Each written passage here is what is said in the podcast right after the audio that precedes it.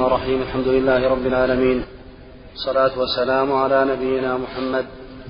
قال الإمام مسلم رحمه الله تعالى كتاب الطهارة حدثنا إسحاق بن منصور قال حدثنا حبان بن هلال قال حدثنا أبان قال حدثنا يحيى أن زيدا حدثه أن أبا سلام حدثه عن أبي مالك الأشعري رضي الله عنه قال قال رسول الله صلى الله عليه وسلم.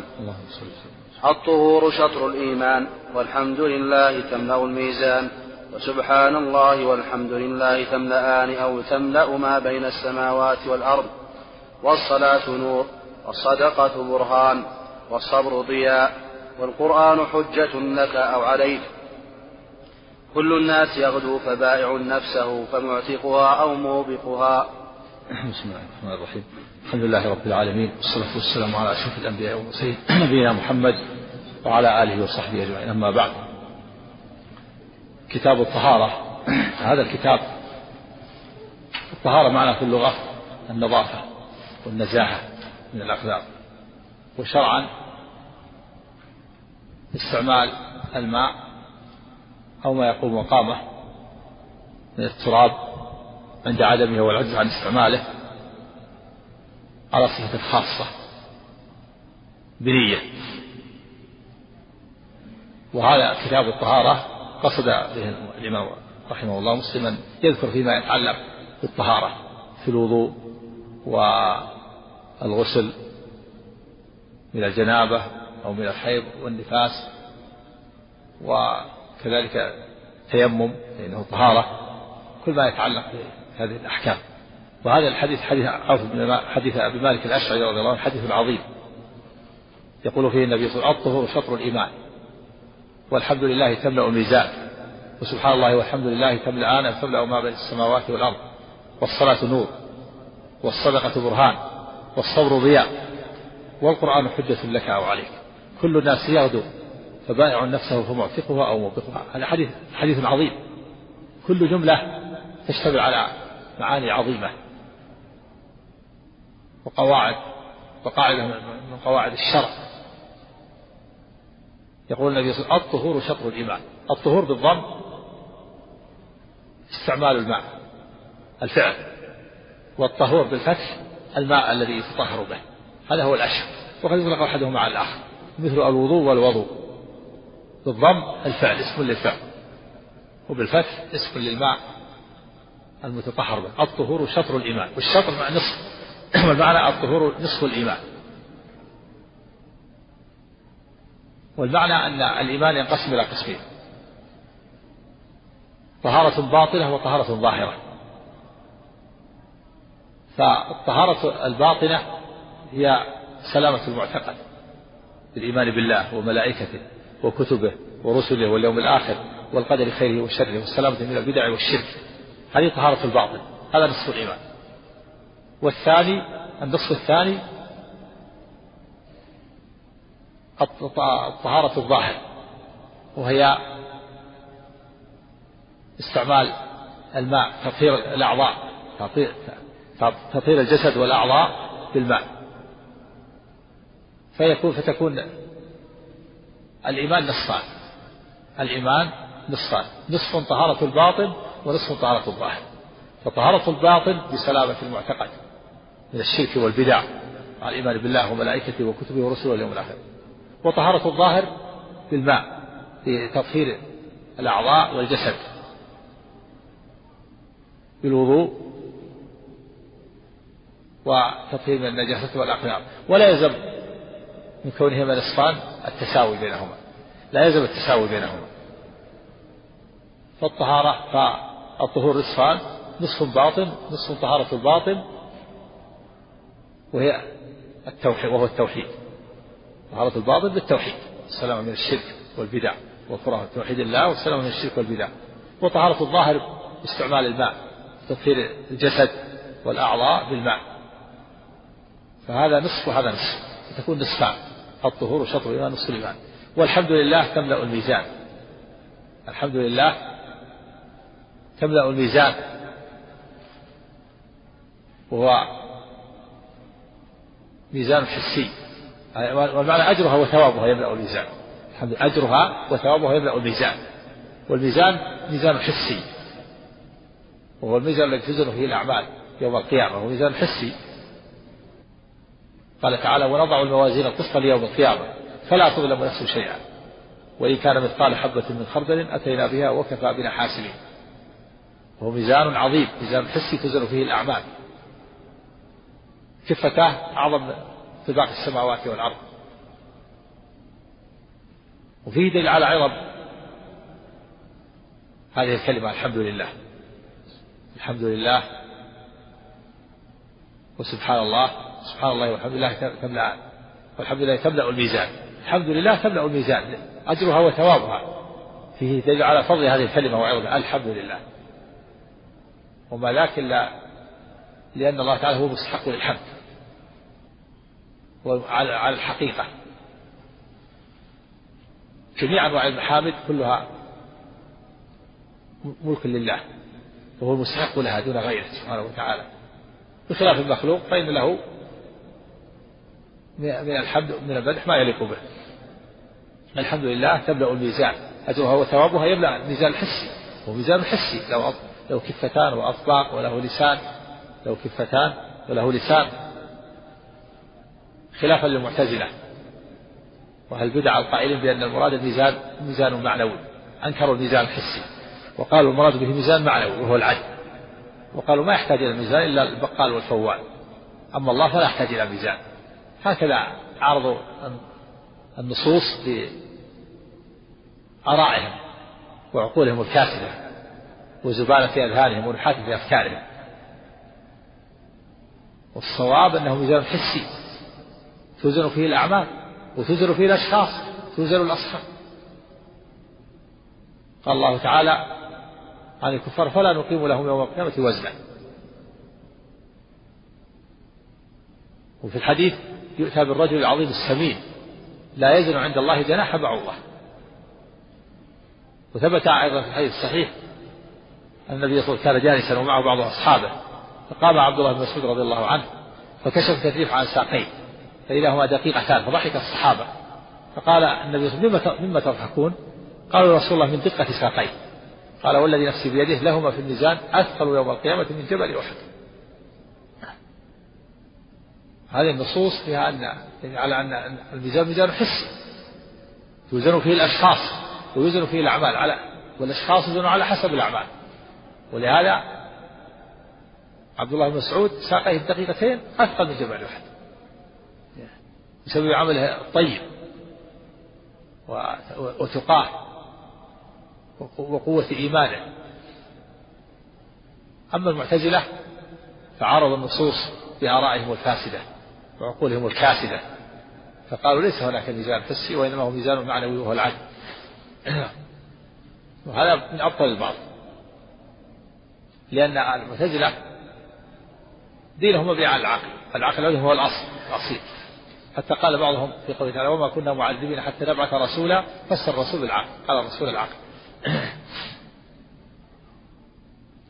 سبحان الله تملأ والحمد لله تملأ وسبحان الله والحمد لله تملأان أو تملأ ما أو تملأ أو تملأ ما بين السماوات والأرض. هذا شك من الراوي. هل قال النبي تملأان أو قال تملأ ما بين السماء والأرض. وبفضل على دليل على فضل التسبيح والتحميد. سبحان الله والحمد لله. هذه تملأ الميزان وتملأ ما بين السماء والأرض. والصلاة نور. لأنها نور للعبد حيث تنهاه عن الفحشاء والمنكر. تمنعه من من المعاصي والمنكرات. تزجره عن المعاصي وتنهاه عن الفحشاء والمنكر. هي نور. تريد قلب العبد فيبصر الحق. الصلاة الصلاة التي أداها صاحبها كما أمره الله وكما أمر رسوله. فهي نور نور للعبد. تضيء له الطريق وتمنعه من الفحشاء والمنكر. ولهذا قال سبحانه وأقم الصلاة إن الصلاة تنهى عن الفحشاء والمنكر ولا ذكر الله أكبر. ففيها الذكر وفيها النهي عن الفحشاء والذكر أكبر. والصدقة برهان. الصدقة يعني برهان حجة ودليل على إيمان صاحبها. ودليل على صدق إيمانه. هي برهان. برهان هو الدليل الدليل القوي. الصدقة برهان دليل على إيمان صاحبها وعلى صدقه وعلى صدق إيمانه. حجة ودليل على إيمان صاحبها ودليل على صدق إيمانه. والصبر ضياء يستضيء بها يستضيء به صاحبه. حتى يؤدي ما أوجب الله عليه. وحتى يأتي عما حرم الله عليه حتى لا يتسخط قضاء الله وقدره.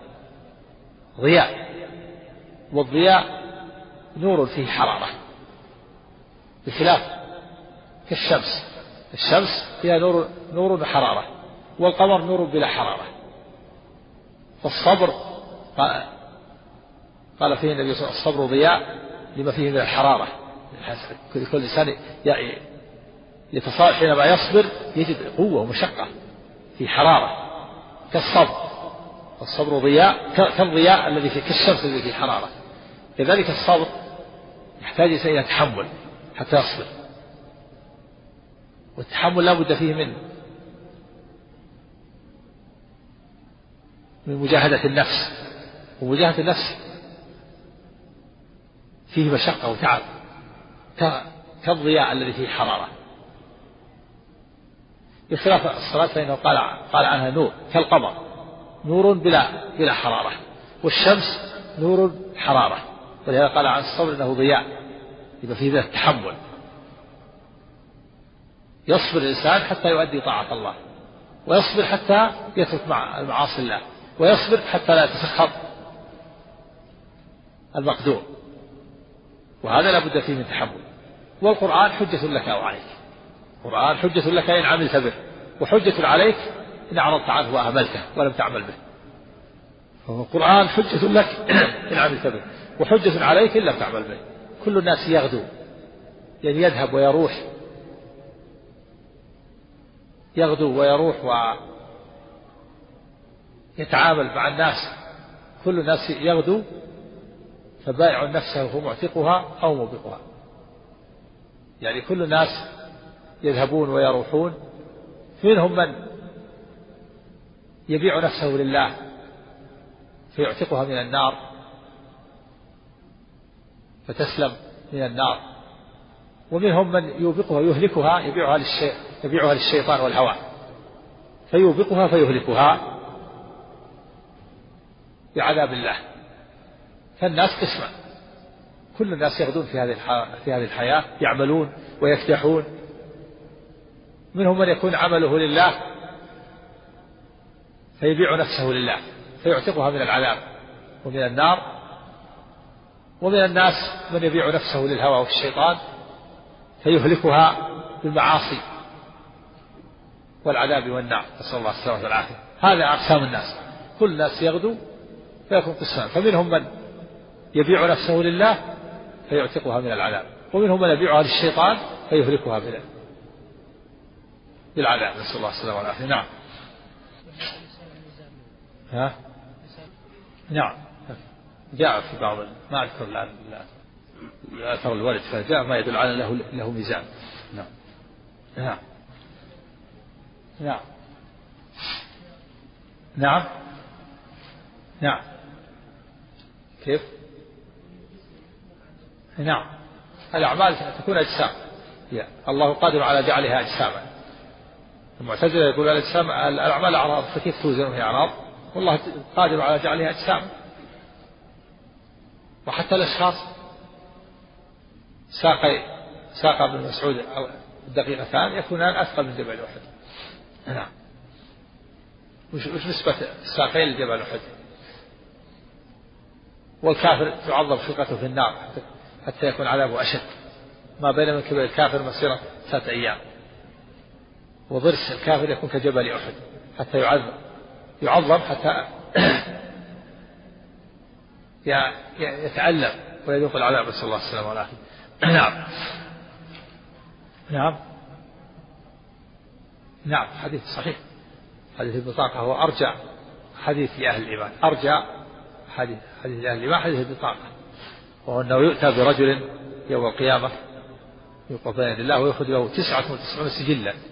كل سجل مد البصر سيئات. يقول الله هل هل لك حسنة؟ هل تذكر شيئا؟ فيقول لا والله. ويستحي. فيقول الله بلى إن لك عندنا حسنة. لا لا ظلم اليوم. فيخرج له بطاقة فيها أشهد أن لا أشهد أن لا إله إلا الله وأشهد أن محمدا رسول الله. فتوضع السجلات في كفة والبطاقة في كفة.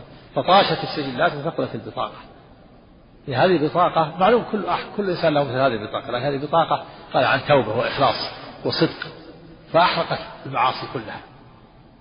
أحرقت هذه المعاصي وهذه السيئات لأنها توبة عن صدق وإخلاص وندر وإقلاع. نعم.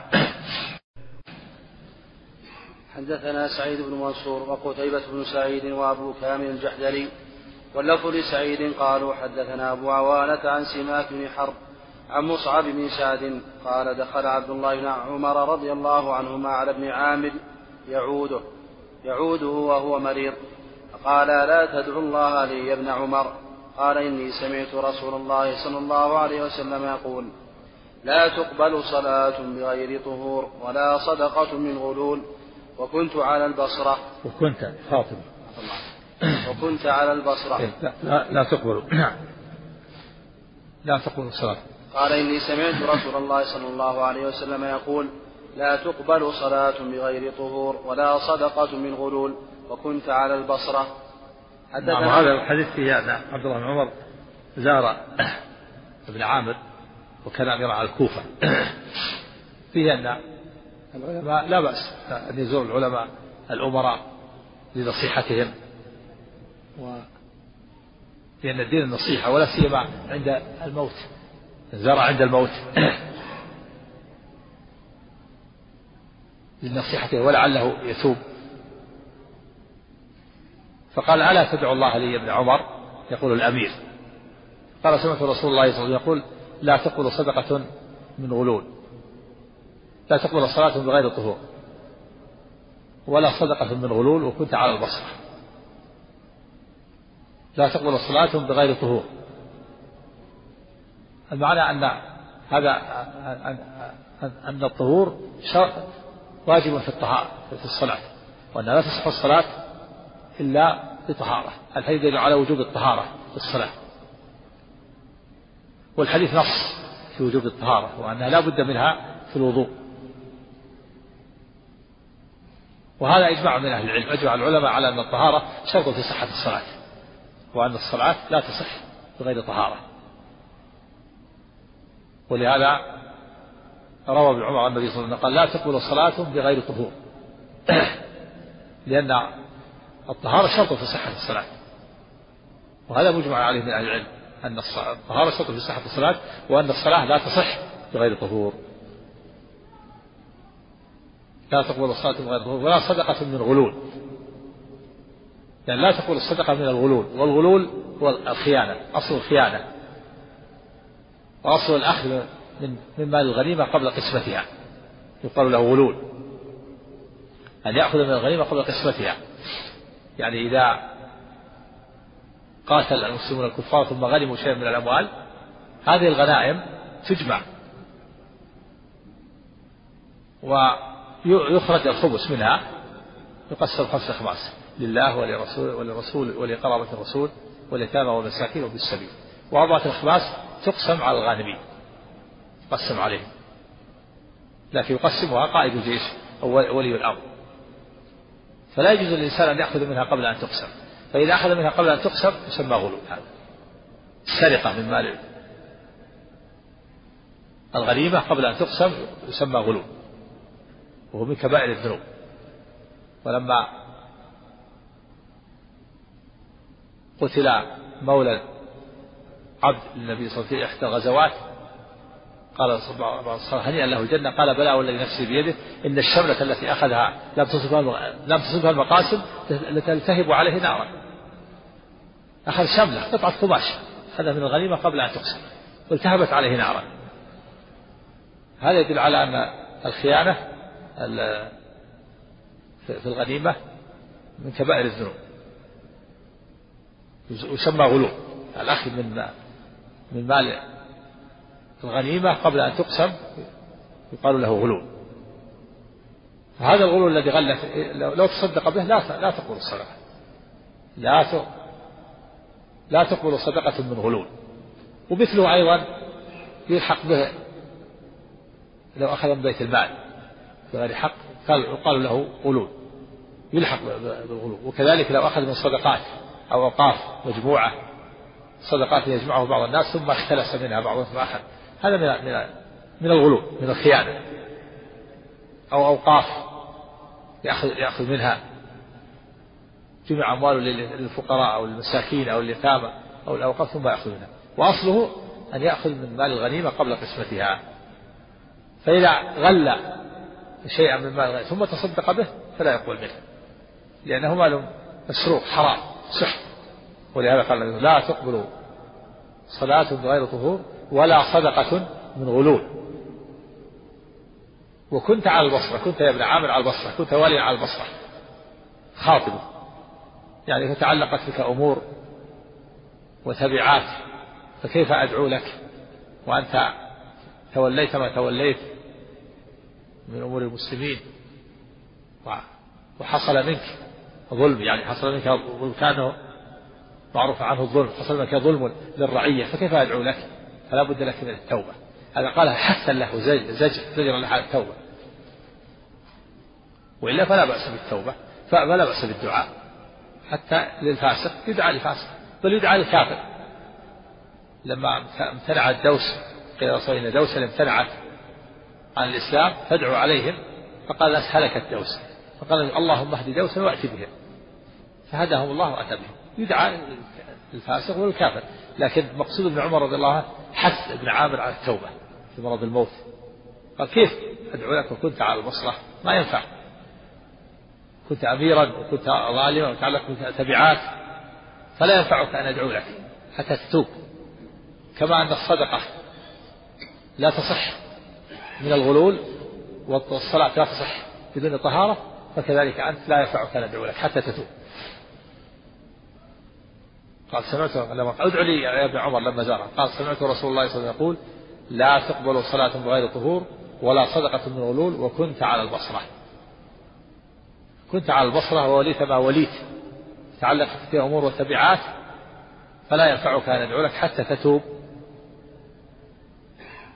فكيف أدعو لك وأنت متلبس بالظلم؟ فكما أن الصلاة لا تصح بغير طهور والصدقة لا تصح من الغلول فكذلك لا ينفعك أن أدعو لك حتى تتوب من باب الزجر نعم. حدثنا نعم. ها؟ وش لو ما يكفي. بعد قسمته خلاص. ما في أخذ يعني قسمت كل ينال نصيبه يوزع قائد الجيش أو إمام المسلمين الغنائم يعطي فلان فلان كذا كل واحد يعطيها ألف ريال. كيف؟ كل واحد يعطي ألف ريال انتهت الغنيمة. قسمت لا ما ما ما ما قسمة القسمة بعد أن يعطى كل واحد نصيبه هذا معناه. أما قبل أن تقسم وهي مجموعة هذا هذا هو الغلو. يأخذ شيء يختلس. من دون أن يعلم أحد دون أن يعلم القائد الجيش أو ولي الأمر.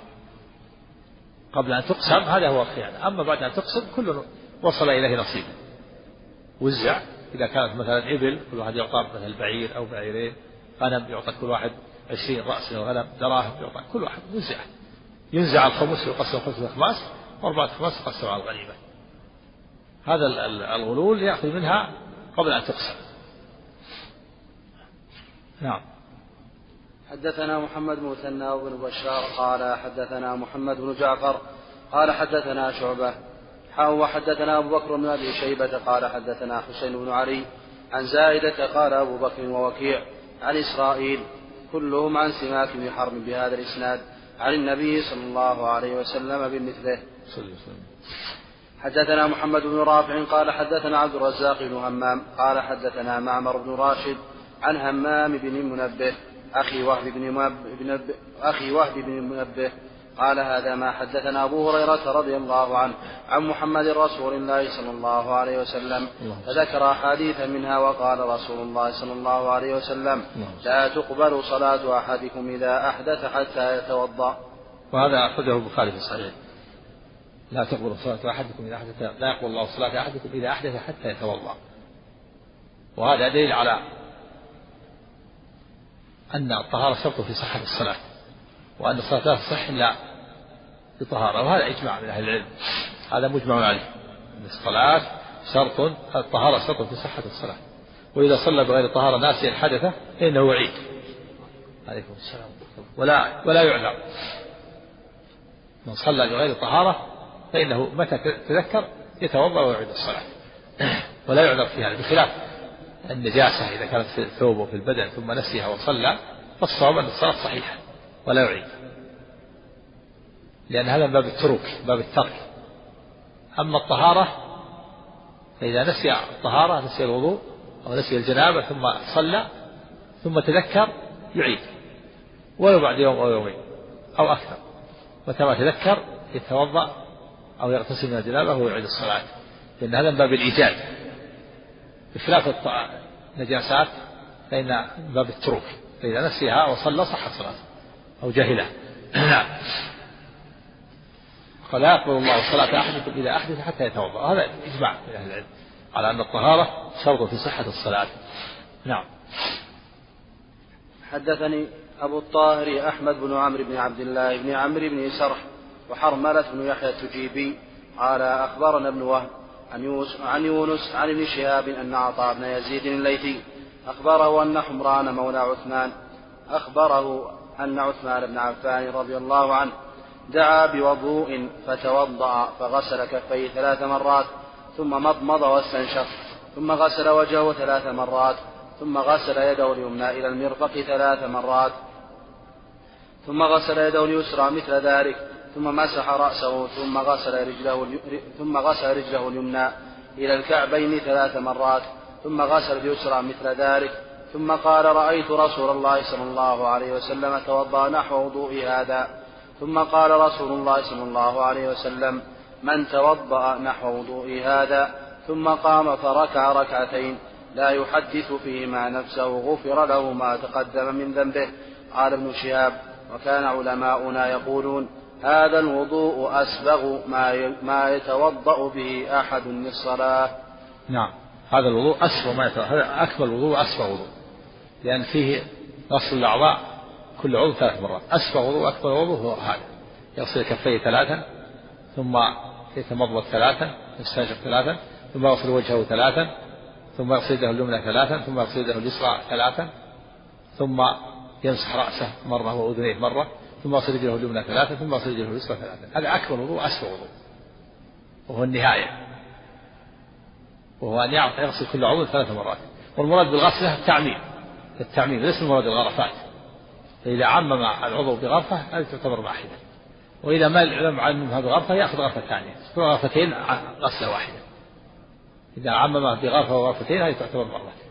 هذا أسوأ وضوء أكمله وجاء عن النبي صلى الله عليه وسلم أنه توضأ ثلاثة ثلاثة هذا. وجاء أنه توضأ ثنتين ثنتين. يعني غسل وجهه مرتين ويده اليمنى مرتين ويده اليسرى مرتين. ورجله اليمنى مرتين ورجله اليسرى مرتين. هذا نوع ثاني. وجاء نوع ثالث النبي توضأ مرة مرة.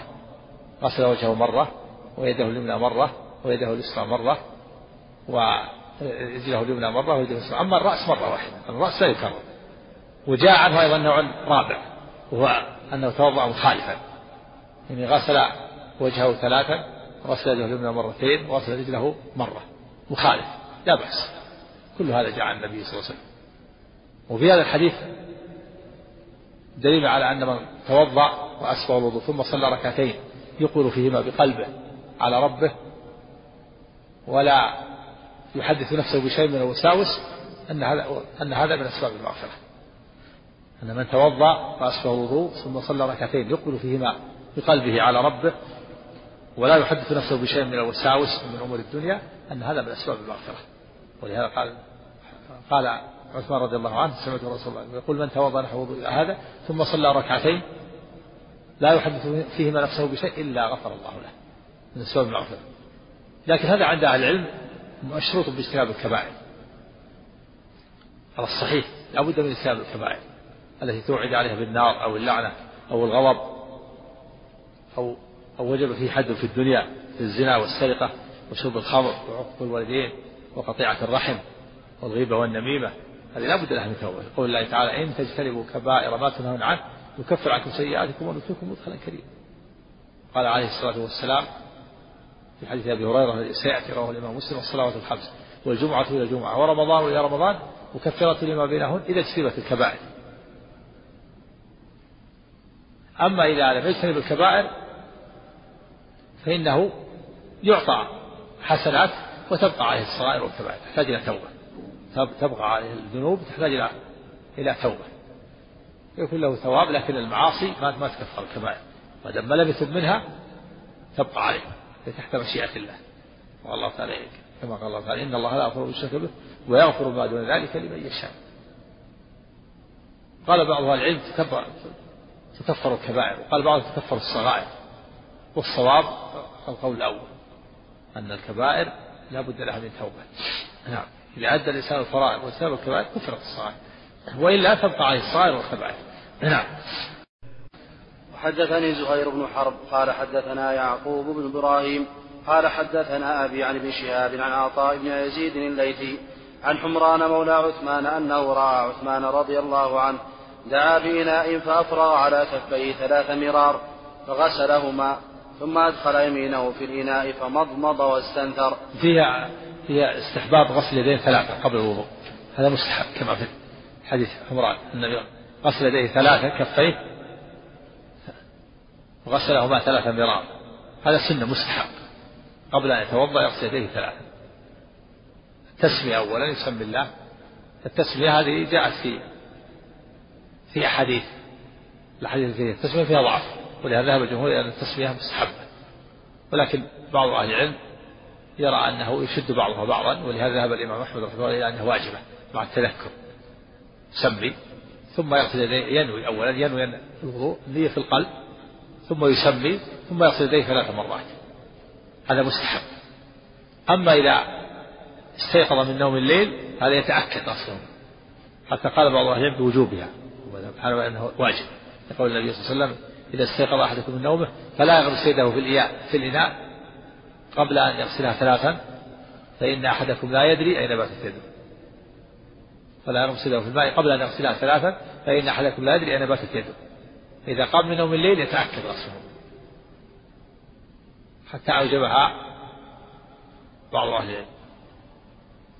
وفي غير ذلك يكون مستحب. غسلهما ثلاثا مستحب. نعم. ولهذا في حديث حمران النبي صلى الله عليه وسلم غسل يديه ثلاث مرار قبل قبل الوضوء. ثم أدخل يمينه في الإناء فمضمض واستنثر ثم غسل وجهه ثلاث مرات. وفيه أن المضمضة والاستشاق السنة قبل قبل غسل الوجه وهما داخلان في غسل الوجه. السنة تقديم الغسل المضمضة والاستشاق ولو غسل وجهه ثم تمضمض واستنشق فلا حرج.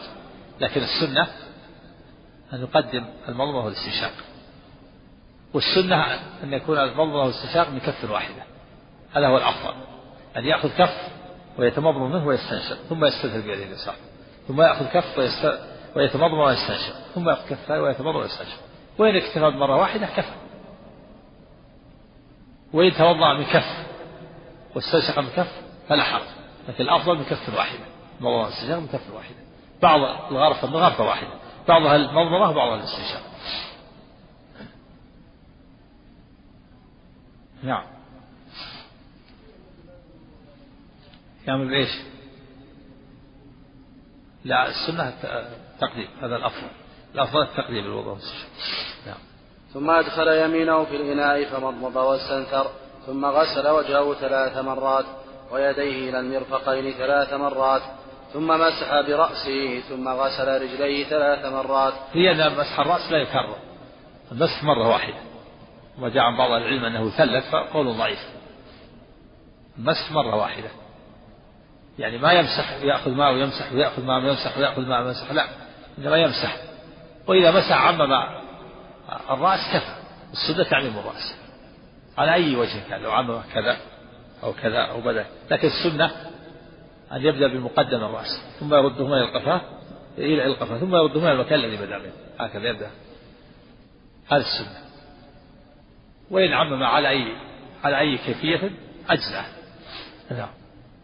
ولكن لا يكرر المسح مرة واحدة. ولا يقال أن هذا تكرار يكون يبدأ مقدم ثم يرد لا يقال تكرار لأن هذا كله في مرة واحدة. التكرار له أخذ ماء ثم مسح ثم بل يديه ثم مسح ثم بل يديه ثم مسح هذا التكرار. هذا غير مشروع. المسح ما يكرر. التكرار للأعضاء الثلاثة الوجه واليدين والرجلين. ثلاث ولا يزيد على ثلاث نعم. ها؟ مجزي من إيش؟ تعميم. تعميم على أي كيفية؟ إذا عمم الرأس على أي كيفية؟ أجزاء. نعم. ثم مسح برأسه ثم غسل رجليه ثلاث مرات ثم قال قال رسول الله صلى الله عليه وسلم من توضأ نحو وضوء هذا ثم صلى ركعتين لا يحدث فيهما نفسه غفر له ما تقدم من ذنبه. في شرط أنه لا يحدث نفسه. يعني بشيء من الوساوس وامور الدنيا. يقبل في اللفظ الآخر يقبل فيهما بقلبه ووجهه. صلي ركعتين بعد هذا الوضوء الذي أسبغه يقبل فيهما بقلبه ووجهه على الله ولا يحدث نفسه بشيء من أمور الدنيا إلا غفر الله له. يعني مع اجتناب الكبائر نعم. حدثنا قتيبة بن سعيد وعثمان بن محمد بن أبي شيبة وإسحاق بن إبراهيم الحنظلي. واللفظ لقتيبة قال إسحاق أخبرنا وقال الآخران حدثنا جرير. عن هشام بن عروة عن أبي عن حمران مولى عثمان قال سمعت عثمان بن عفان رضي الله عنه وهو بفناء المسجد فجاءه المؤذن عند العصر. فدعا بوضوء فدعا بوضوء بوضوء. الوضوء بالواو بوضوء يعني بماء الذي توضا به وضوء فتح. وبالضم وضوء اسم للفعل. هذا هو الأشهر. وضوء طهور اسم للماء بفتح. وبالضم وضوء طهور اسم للفعل. نعم. فدعا بوضوء يعني بماء يتوضأ به. نعم.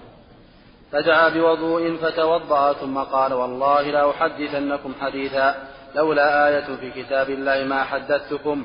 إني سمعت رسول الله صلى الله عليه وسلم يقول لا يتوضأ رجل مسلم فيحسن وضوء فيحسن وضوء فيصلي صلاة إلا غفر الله له ما بينه وبين الصلاة التي تليها.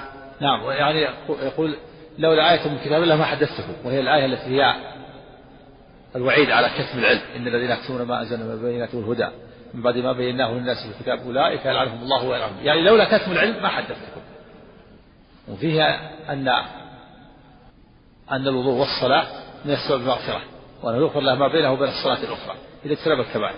فإذا صلى الظهر غفر الله ما له ذنوبه إلى صلاة العصر ما بينه وبين صلاة العصر. وإذا صلى العصر غفر الله ذنوبه إلى صلاة المغرب وإذا صلى المغرب غفر الله ذنوبه إلى صلاة العشاء. وإذا صلى العشاء غفر الله ذنوبه إلى صلاة الفجر. هذا إذا اجتنب الكبائر. مقيد باجتناب الكبائر. أعد الحديث. لولا لولا آية من كتاب الله.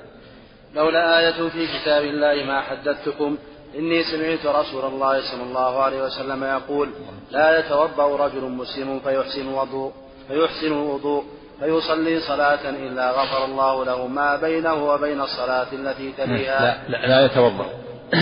لا لا يتوضأ رجل مسلم فيحسن الوضوء فيصلي صلاة إلا غفر الله له ما بينه وبين الصلاة التي تليها. نعم في تقريبا مسلم يتوضأ مسلم وهذا من المعلوم. أنه أن الإيمان والإسلام شرط في صحة الصلاة هذا لا بد منه معروف. فلو توضأ كافر فلا, فلا يعتبر بهذا. وكذلك أيضا لا بد أن يحسن الوضوء. لا بد من إحسانه قد يقال الإحسان أن إسباغه وإكماله. فإذا توضأ مسلم وأحسن الوضوء غفر الله له ما بينه وبين الصلاة الأخرى تكلم على قوله فيحسن. في خلاف بين أهل العلم. السنة الغسل إذا كان غسل جنابة أو غسل جمعة أن يتوضأ قبل أن يستنجي ويغسل فرجه وما حوله ثم يتوضأ وضوءه للصلاة كما كان يفعل النبي صلى الله عليه وسلم. هذا هو السنة. ثم وضوء واستنشق ويغسل وجهه ويديه ورجليه والرجلين إن أحب أن يؤخرهما أو يقدمهما. ثم يغسل شقه الأيمن يثم الماء على رأسه ثلاثة حتى يرويه ثم يغسل شقه الأيمن ثم يغسل شقه الأيسر. هذا هو السنة. في حديث عائشة أنه غسل الرجلين توضأ كامل. وفي حديث ميمونة أنه أخر غسل الرجلين في آخر بعد الغسل. هذا هو السنة. وإذا خرج منه ريح أو مس فرجه يعيد الوضوء هذا هو السنة. وإذا حب يغتسل ثم يتوضأ بعد ذلك فلا بأس. هذا هو الأفضل. ذهب بعض أهل العلم إلى أنه إذا استنجى ونوى رفع الحدثين ارتفع. ولو مع قصر وأنه يدخل يندرج الأصغر في الأكبر الأصغر في الأكبر. لكن الأفضل فعل النبي صلى الله عليه وسلم. يستنجي ثم يتوضأ ثم يكمل بقية الوصف. هذا هو السنة. قوله فيحسن الوضوء. قوله فيحسن الوضوء. أن يأتي أن يأتي به تاما بكمال صفته وآدابه. وفي هذا الحديث الحث على الاعتناء بتعلم آداب الوضوء وشروطه. إيش؟ أن يأتي به إيش؟ أي يأتي به تاما بكمال صفته وآدابه. وفي هذا الحديث الحث على الاعتناء بتعلم آداب الوضوء وشروطه والعمل بذلك والاحتياط فيه والحرص على أن يتوضأ على وجه يصح عند جميع العلماء ولا يترخص بالاختلاف فينبغي أن يحرص على التسمية والنية والمضمضة والاستنشاق والاستنثار واستيعاب مسح الرأس ومسح الأذنين ودلك الأعضاء والتتابع في الوضوء وترتيبه وغير ذلك. يعني يقول إنه الأشياء المختلف فيها يأتي بها. بعض العلماء قال التسمية جمهور على ليست واجبة.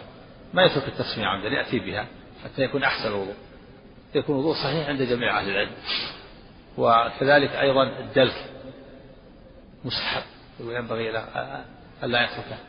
وكذلك الموالاة ترتيب. وكذلك المنظمة والاستنشاق فيها خلاف فلا يتركها. من أحسن الوضوء أن يأتي بوضوء تام. كامل عند جميع أهل العلم. جميع أهل العلم يرون أنه صحيح. لكن إذا ترك المنظومة بعض العلم يرى أنه الوضوء غير صحيح. أو ترك الاستنشاق أو ترك الترتيب بين الأعضاء أو ترك الموالاة فسر أحسن الوضوء يأتي به بآدابه ويأتي به كاملا. ولا يترك الأشياء المختلف فيها. إيش فيأتي بإيش؟ فيأتي؟ يأتي به. يأتي به تاما بكمال صفته وآدابه. وفي الحديث الحث على الاعتناء بتعلم آداب الوضوء وشروطه والعمل بذلك والاحتياط فيه والحرص على أن يتوضأ على وجه يصح عند جميع العلماء ولا يترخص بالاختلاف فينبغي أن يحرص على التسمية والنية والمضمضة والاستنشاق والاستنثار واستيعاب مسح الرأس ومسح الأذنين ودلك الأعضاء والتتابع في الوضوء وترتيبه وغير ذلك من المختلف فيه وتحصيل ماء طهور بالإجماع. إيش وتحصيل إيش؟ وتحصيل وتحصيل ماء طهور بالإجماع. ماء طهور يعني ما يكون مختلف فيه. يعني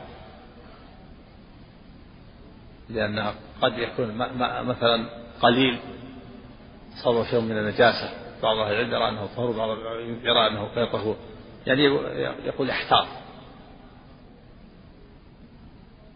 لولا آية من كتاب الله أشار إليها نعم. قوله لولا آية في كتاب الله تعالى ما حدثتكم قال عروة الآية إن الذين يكتمون ما أنزلنا من البينات الآية نعم. معناه لولا أن الله تعالى أوجب على من علم علما إبلاغه لما كنت حريصا على تحديثكم ولست متكثرا بحديثكم وهذا كله على ما وقع في الأصول التي ببلادنا ولأكثر الناس من غيرهم لولا آية بالياء ومد الألف. قال القاضي عياض وقع للرواة في الحديثين لولا آية بالياء إلا البادي فإن رواه في الحديث الأول لولا أنه بالنون. قال واختلف رواة مالك في هذين اللفظين. قال واختلف العلماء في تأويل ذلك ففي مسلم. قول عروة أن الآية هي قوله تعالى إن الذين يكتمون ما أنزلنا من البينات وعلى هذا لا تصح رواية النون. عندك قال عروة هنا. في الحديث. قال عروة الآية. ما عندي. ها؟ نفس الحديث. ما قال في حديث آخر. ها؟ نعم. عن هشام عروة عن أبيه. ها؟ عن حمران. ليست في هي موجودة. لا ليس ها؟ عندك في المتن قال عروة. إيه. ستأتي ستأتي الرواية اللي بعد هذا. طيب سم. نعم.